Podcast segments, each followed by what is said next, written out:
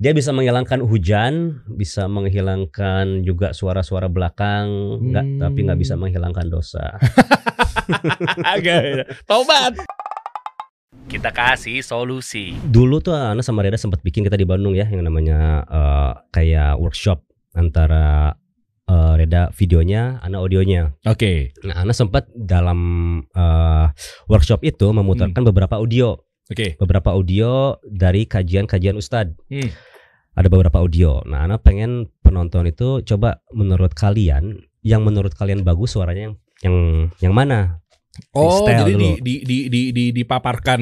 Dipaparkan Hasil dulu itu. tujuannya apa? Kalau dalam audio kita harus dalam kita harus dalam satu definisi dulu. Menurut kita audio yang bagus tuh yang ini atau yang ini, yang ini atau yang ini. Ternyata kan berbeda pendapat. Iya, iya. Ada yang bilang suaranya ngeruang yang bagus, ada yang pecah dibilang bagus. Nah, Hmm. jadi kita samain dulu persepsinya. Audio yang bagus itu yang seperti apa? Apakah yang ada suara ruangnya? Apakah yang volumenya tinggi? Yang kayak gimana?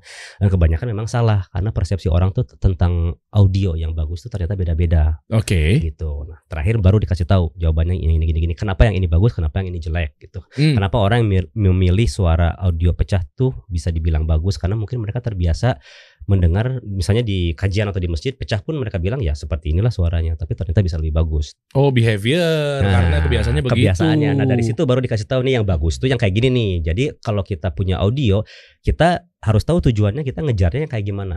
Sama kayak kita kan jadi video mau di grading, harus ada referensi dulu dong. Iya. Yang ini nih kita kejar Iya. yang kayak gini. Iya, iya. Nah, audio pun juga ini juga khusus buat orang-orang yang suka bikin podcast, terus kajian-kajian di masjid. Kalian harus tahu dulu suara yang bagus itu seperti apa. Baru kalau udah tahu, oh ini suara yang bagus gini, nah kita kejar yang kayak gitu. Kalau kalau dulu kita di musik ada juga faedahnya kalau kita kalau mau mixing dengerin dulu mixingan orang lain. Iya benar.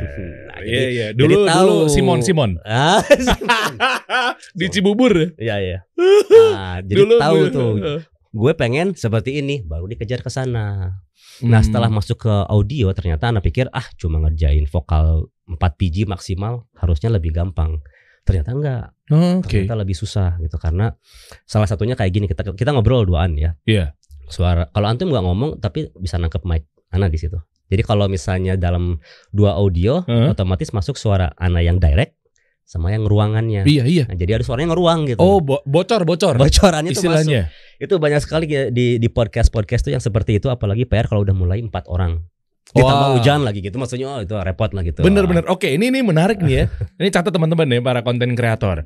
Kalau studio juga akan menjadi dampak yang signi- signifikan nggak ketika memang sangat sangat ya? sangat gimana pun juga kita punya eh, konsep kalau di dalam audio kalau yang masuk sampah keluar sampah dalam arti kebagusan audionya ya. Oke. Jadi kalau masuknya juga udah rada-rada jelek, keluarnya juga nggak akan jauh beda. Walaupun udah di mixing sedemikian mungkin, tapi kalau audio dasarnya udah bagus bisa diapa-apain sih intinya ya. Oke. Tapi ada pun juga solusi kalau audionya memang misalnya satu eh tadi kita bilang ada suara back back noise ya, Hmm. suara jalan, suara hujan, suara orang-orang ngobrol di belakang itu memang bisa hilang juga. Nah, gimana cara ngilangin ya? Kan udah Satu-satu ya kita obrolin ya. ke, mixing. Oke, ini, Ah. ini catat deh, catat deh. Ini buat kalian yang taping ya. Hmm. Sebenarnya bisa diaplikasikan untuk live tapi sama kalau kita mau bikin kajian di masjid kita harus cek sound mau nggak mau Anda beberapa kali sih ngebantuin ikhwan di masjid harus dicobain dulu suaranya karena nggak tahu suara ustadznya segede apa kerasnya seperti apa ekinya jadi kadang-kadang yang cek soundnya tuh gini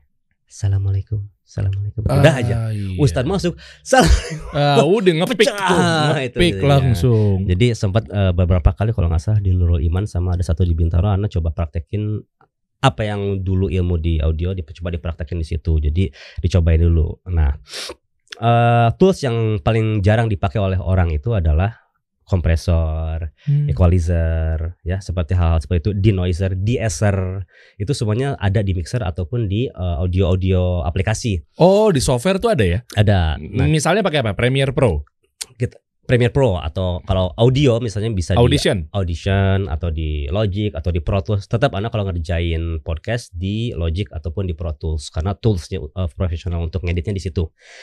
Yang pertama ketika kita terima audio pastikan dia nggak pikan ya kalau kayak gini nih bagus nih. Hmm, Dan oh. uh, dan mungkin kalau antum orang broadcast pasti tahu dong standar audio tuh harus di berapa dB sih gitu. Iya, iya. Karena kalau kita lihat di YouTube ada yang kekecilan, ada yang kegedean, nggak ada standarnya. Nah, Nah, kayak di Rabanians kita cobain untuk setiap kajian volumenya stabil segitu. Oke. Masteringnya lah gitu ya, masteringnya gitu. Oke. Nah, mungkin yang pertama harus dilihat diperhatikan adalah equalizer. Kadang-kadang gini, tujuan kita masang masang mic. Hah, ini, hah? Nah, nah, kita lihat dulu dong dari, eh, dari itu suara aslinya kayak gimana. Oh kayak gini. Ketangkep di mic-nya kayak gimana. Oh ternyata jauh.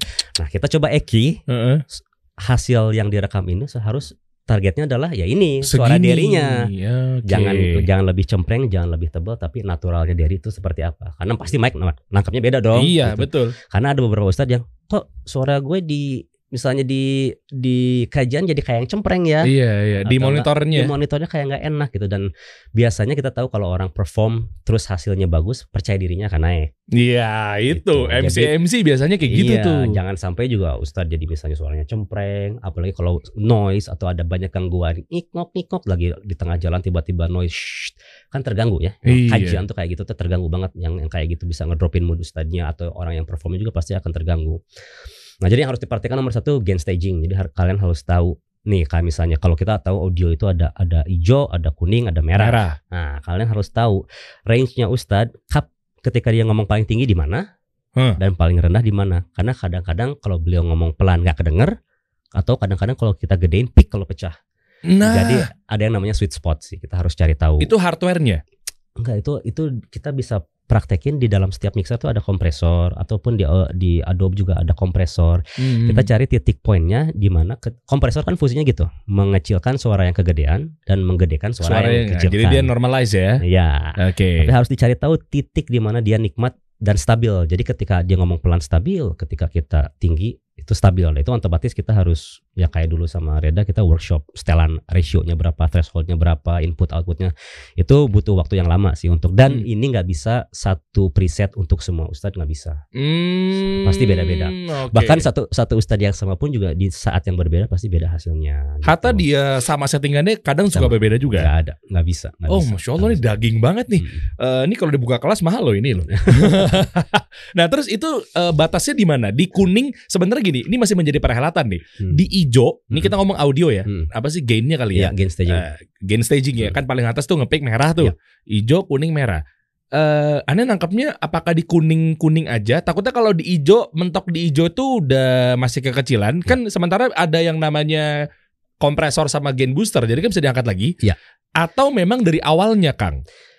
Yang pertama kunci tadi awal. Dari awal mulailah dulu dari yang hijau ke arah kuning-kuningan lah gitu. Jangan Kalau kuningnya merah. muncul nggak apa-apa. nggak apa-apa sedikit. Jadi awalnya ketika kita pasang mic segitu aja dulu. Baru setelah itu kita pasang namanya kompresor untuk menstabilkan suara-suara yang lebih pelan dan pastikan dia nggak sampai peak. Biasanya nanti kedengaran tanpa kita lihat grafiknya pun juga di sini udah kedengaran. Ustaz pas ngomong pelan, oh jadi enak. Pas kenceng nggak pecah. Kadang-kadang kan Hmm. kita tahu kalau dinamika eh, orang yang berbicara tuh kalau udah kajian naik turunnya luar biasa. Oke. Habis kompresor pasang eki. Samain Hmm. karakter suara Ustadz di speaker dengan karakter suara Ustadz aslinya. Hmm. Jangan cempreng, jangan ada juga orang yang sampai ketebelan, ada juga sampai feedback nyetel Oh, acting gitu ya. iya tuh. Jadi itu yang Ana sering dengar di kajian secara offline itu ketika ngomong suka ada suara feedback sih. Ing, ing. Aduh. Itu sebenarnya mengganggu. Tapi kalau karena orang itu awam nggak nganggap nggak tahu feedback jadi taunya ya emang audio tuh gitu gitu karena kita nggak membiasakan menyajikan audio yang bagus jadi akan beranggapan bahwa audio tuh seperti itu gitu Hmm. emang harus harus naik sih standarnya gitu Iya Gitu. iya dong. Apalagi kan kalau mau bikin konten sekarang tuh harus sudah ya muslim muslim ayo dong. iya Iya kan jangan-jangan suara gaung lah Jangan direkam. gaung. VO VO-nya jadinya gaung apa segala macam. Tapi kalau ngilangin efek hujan tadi tuh nanti itu terakhir waduh di teaser lagi nih mantap. jadi ada ada kompresor tadi jadi misalnya kalau antum punya satu channel untuk audio misalnya katakan ini Derry gitu Hmm. Derinya. Yang pertama misalnya kompresor dulu. Pastikan suaranya stabil. Kedua equalizernya. Tujuan equalizer untuk menyamakan dengan suara aslinya sumber aslinya. Hmm. udah gitu di eser pastiin suara kita tahu kalau vokalis biasanya suka pada kayak di eser kalau bilang S biasanya tajam. Iya, ini apa eh, tajam sakit. sakit. pasti terus cari frekuensinya tuh eh, tiap orang beda-beda S-nya tuh. Antum biasanya misalnya bilang S di frekuensi 7000 mungkin dia ngomong S di 8000 beda-beda orang-orang tuh gitu. Jadi Oke. cari tahu. Dan biasanya kalau sound engineer akan kalau misalnya langganan eh, terulang-ulang sama Derry atau sama Reda gitu jadi dia tahu ditulis Reda S-nya di sini. Terus Derry atau enggak Ustadz ini eh, frekuensi S-nya di sini, di sini, di sini, ditulis supaya mempercepat ke depannya kerjanya. gitu. Oke, Kayak di gitu. di blocking channel ya. Iya. Iya, istilahnya begitu Nah, kan. kalau ya kalau kita cek tuh kayak gitu. iya. Setelah di eser, biasanya kita masang yang namanya limiter supaya stabil antara MC, terus kajian ustadz ataupun nanti penanya semuanya stabil suaranya. Ini hardware limiter ini. Enggak. Enggak, Jadi di bisa software semua. bisa software, bisa hardware. Jadi ini bisa diaplisa- diaplikasikan ke dalam acara uh, taping atau acara kalau live. Hmm. Karena kan biasanya gini, kadang-kadang suara penanya kecil, suara ustadz Iya, iya. besar, suara Betul. MC kecil, nggak stabil aja sih intinya. Cuma kita pengen bersih. Dan biasanya audio yang bersih itu pasti nggak akan ada yang muji, wah ini audio bagus sekali nggak. Ketika ketika dia bagus, semua orang akan diam. Ketika jelek, dia komplain. Ini pecah nih, oh, ini yang Iya, nih iya, gitu, iya, gitu. iya, Jadi iya, benar. jadi eh, eh, dulu itu waktu zaman kita di audio engineer tuh audio engineer itu nggak mungkin akan mendapatkan pujian eh, hasil yang bagus karena memang seperti itu harusnya suara gitu. Ya kan? Kalau kita kalau anda dengar antum bicara ya seperti ini suaranya. nih ya. Emang udah emang kayak gitu. Tapi kalau suaranya tiba-tiba jadi cempreng kok gini sih? Ketika jelek akan dihina. akan dihina. Ketika Kalau bagus, memang seharusnya seperti itu. gitu, gitu. Jadi Iya, iya. itu. Nah beres dari eh, DSR tadi terakhir tadi limiter tadi buat nyamain semuanya jadi ngemasterin semua audio yang ada. Nah yang terakhir kalau tetap setelah eh, audio ini setelah diaplikasikan tetap masih ada yang namanya noise dari kabel, ada suara hujan segala macam. Nah, antum bisa cek eh, di websitenya namanya Akon Digital. Boleh dibuka nggak? Boleh dibuka nggak? Ini Digital. penasaran nih. Akon Suite. Soalnya biasanya kalau udah kegabung sama efek hujan apa segala macam tuh udah bete Ya. tuh karena dia udah kemix sama Ya. ininya. A C O N Coba coba buka A C O N Digital. digital. Oke, eh, itu akondigital.com. Coba-coba ini. Coba coba.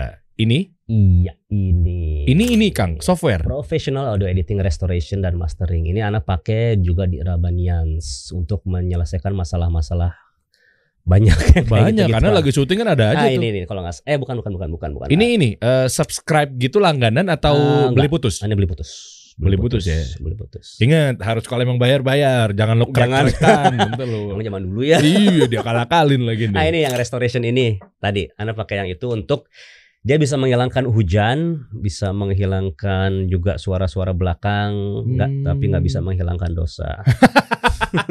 Agak. Tobat, tobat. Ngapain begini ya? Cuma ini gitu, maksudnya kalau butuh eh, ini tuh khusus plugin untuk menyelesaikan masalah-masalah yang yang ada masalah gitu. Bukan bukan mempercantik audio, tapi Oke. menyelesaikan masalah. gitu. Tapi ini kan nggak mungkin one click oke kan? Nggak. Nah terus dioper-oper ke mana tuh biar audionya clean lagi? Jadi bagusnya itu si akun audio dia punya feature ketika kita punya audio dibiarkan dia jalan, jadi nanti si si pluginnya akan mendetek sendiri noise yang ada. Ah, Sekali jalan dia ngedetect audionya apa aja, nanti putaran keduanya hilang. Tapi dia mempelajari secara spesifik frekuensi sama gangguan-gangguan audionya. Oh cara kerjanya Cara begitu. kerjanya seperti itu. Abis ini kayaknya Kang Uki akan terima endorsan dan eh, ini nih Re- Reda cuan lagi nih kayaknya masuk nih para-para ini kan apa sih software-software gini ngerapet nih abis ini nih. Oh, Ini sangat kepake kalau buat podcast ya, Ya, apalagi banyak. kalau pembicaranya lebih dari dua, bisa sampai empat orang, otomatis pasti ada eh, perbedaan perbedaan jarak kan, otomatis jadi audio itu kayak ngegeser gitu. Hmm. Kenapa? Karena kan antum menangkap suara ruangan saya, gitu. Iya, ini iya. direct. Ini antum berarti ada jarak kan. Iya. Jadi secara audio kalau antum zoom itu audio itu pasti kayak Iya iya iya iya. Dia Gitu. nggak pas gitu nggak ya. pas sama kita. Kenapa ya? Bukan delay lo ya? Enggak, jadi ibaratnya gini. Ini mic direct, Eh. ini mic room. Oh, bocor. bocornya itu ada beberapa milisecond. Nah kalau udah ada empat itu PR. Si ini masuk ke sini, si ini masuk ke sini, si ini masuk ke sini. Aduh. Harus di harus dicocokin. eh, Berarti zoom sampai ini banget biar cocokin sebenarnya sekali jadi itu udah oke. frame sih. per secondnya jadinya enak ya. Nah iya makanya mungkin dulu juga banyak sekali orang eh, video yang ketika nerima audio tuh kadang-kadang ini kok nggak sync ya video sama audionya kadang-kadang kecepatan kadang-kadang kelambatan gitu. Hmm, Nah, hmm, itu hmm. mulai dari sample rate yang ngaruh, mulai dari itunya pun juga ngaruh. Siapa yang akan menjadi patokan jarak antara empat orang ini yang menjadi patokan utamanya mic yang mana gitu. Jadi Oh, ini ini nih konten kreator yang di bidang podcast harus perhatiin nih. Soalnya banyak juga kita dengerin podcast. Ya. Ya begitu, suaranya nggak clean, nah nggak cocok, Ya. nggak synchronize apa segala Ya. macam. sering sering sering banget Anda eh, sering banget nonton beberapa kajian yang memang kadang-kadang masalahnya sangat basic di audio. Mm-mm. Mulai dari pecah itu udah udah Iya, sering banget lah kalau pecah ya gitu. bener. Terus ya itu ketika ngomong ustadz ataupun pembicara ngomongnya pelan kok tenggelam tiba-tiba Hmm. naik Nggak gitu mungkin ya. FOH-nya nggak nggak mungkin. Ini kayaknya lagi pelan nih. Nggak mungkin Iya, gitu kan? nggak mungkin nggak mungkin Nggak mungkin ya. Itu yang otoma- otomatis ngegerak si feedernya itu. Nah tadi Apa itu, itu? yang geraknya si kompresor. Ketika kompresor itu udah menstabilkan suara yang pelan atau yang tinggi kan, Mm-mm. otomatis lu stabil di situ suaranya kurang lebih berapa dB dinamikanya dikecilin kan. Kompresor tuh Hmm, fungsinya hmm. mengecilkan dinamika. Lu nggak akan jauh daripada min 2 atau plus 1. Segitu-gitu aja gitu. Jadi dari biasa orang yang ngomong pelannya gini on gitu ya. Hmm. Dan dikecilin jadi ngomongnya segini. Nanti orang pembicara kedua juga segini. Stabil semuanya. Hmm, Oke, Icon digital itu berapa Kang? Eh, langganan per bulan apa berapa? Enggak, dia sekali beli putus berapa Oh, ya putus. 2 juta. Enggak tahu lah antar 2 Oh juta. putus kayak Envato ya? Envato juga putus ya? nah, tapi itu dapat eh, sekali suite itu mendapatkan 5 plugin ya. Restorasi, terus juga noise floor, kalau nggak salah ada EQ-nya, ada beda-beda dapat 5 plugin. Tergantung masalahnya apa di audio, nanti dimasukin plugin yang itu. gitu. Hmm, oke. Gitu. Daging, daging. Wuh, harus tahu soalnya begini-begini. Ada lagi nggak kira-kira tips buat eh, teman-teman kan dari sudut pandang eh, audio engineering nih, Kang Ah, Uki nih. Ini yang satu juga salah, sa- masukan buat para orang yang ngelakuin audio nanti kalaupun di kajian ataupun di podcast pastikan untuk mematikan yang namanya 80, frekuensi 80 ke bawah tuh ada tombol tuh di mixer. Matiin aja. Oh, bukan justru malah dinyalain ya? Enggak. Manusia itu suaranya insya Allah dari 100 ke atas. 80 tuh instrumen antum. Oh, Bass. gitu. Ya, Kita bass. Zaman dulu basis. Ya kan? Iya ya. Kalau bass itu frekuensinya 80 60. Kita nggak pakai. Tapi kadang-kadang kalau di kajian suka dinyalain jadi suara ada ada suara kalau kita dengar di kajian tuh ada suara noise. Hmm, Iya, iya, iya, Noise iya. floor. Tutup aja. 80 ke belakang. Tutup.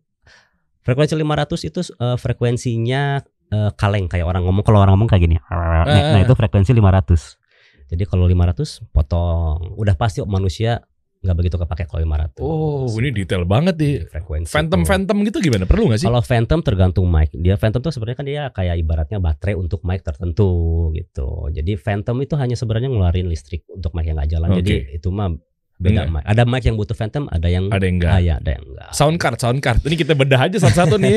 Nih penasaran banget deh. Sound card tuh ada bisa langsung colok gak sih? Kadang orang-orang bikin konten tuh kadang harus aduh hardware lagi Ya. dong gua dong beli sound card Eh, lagi.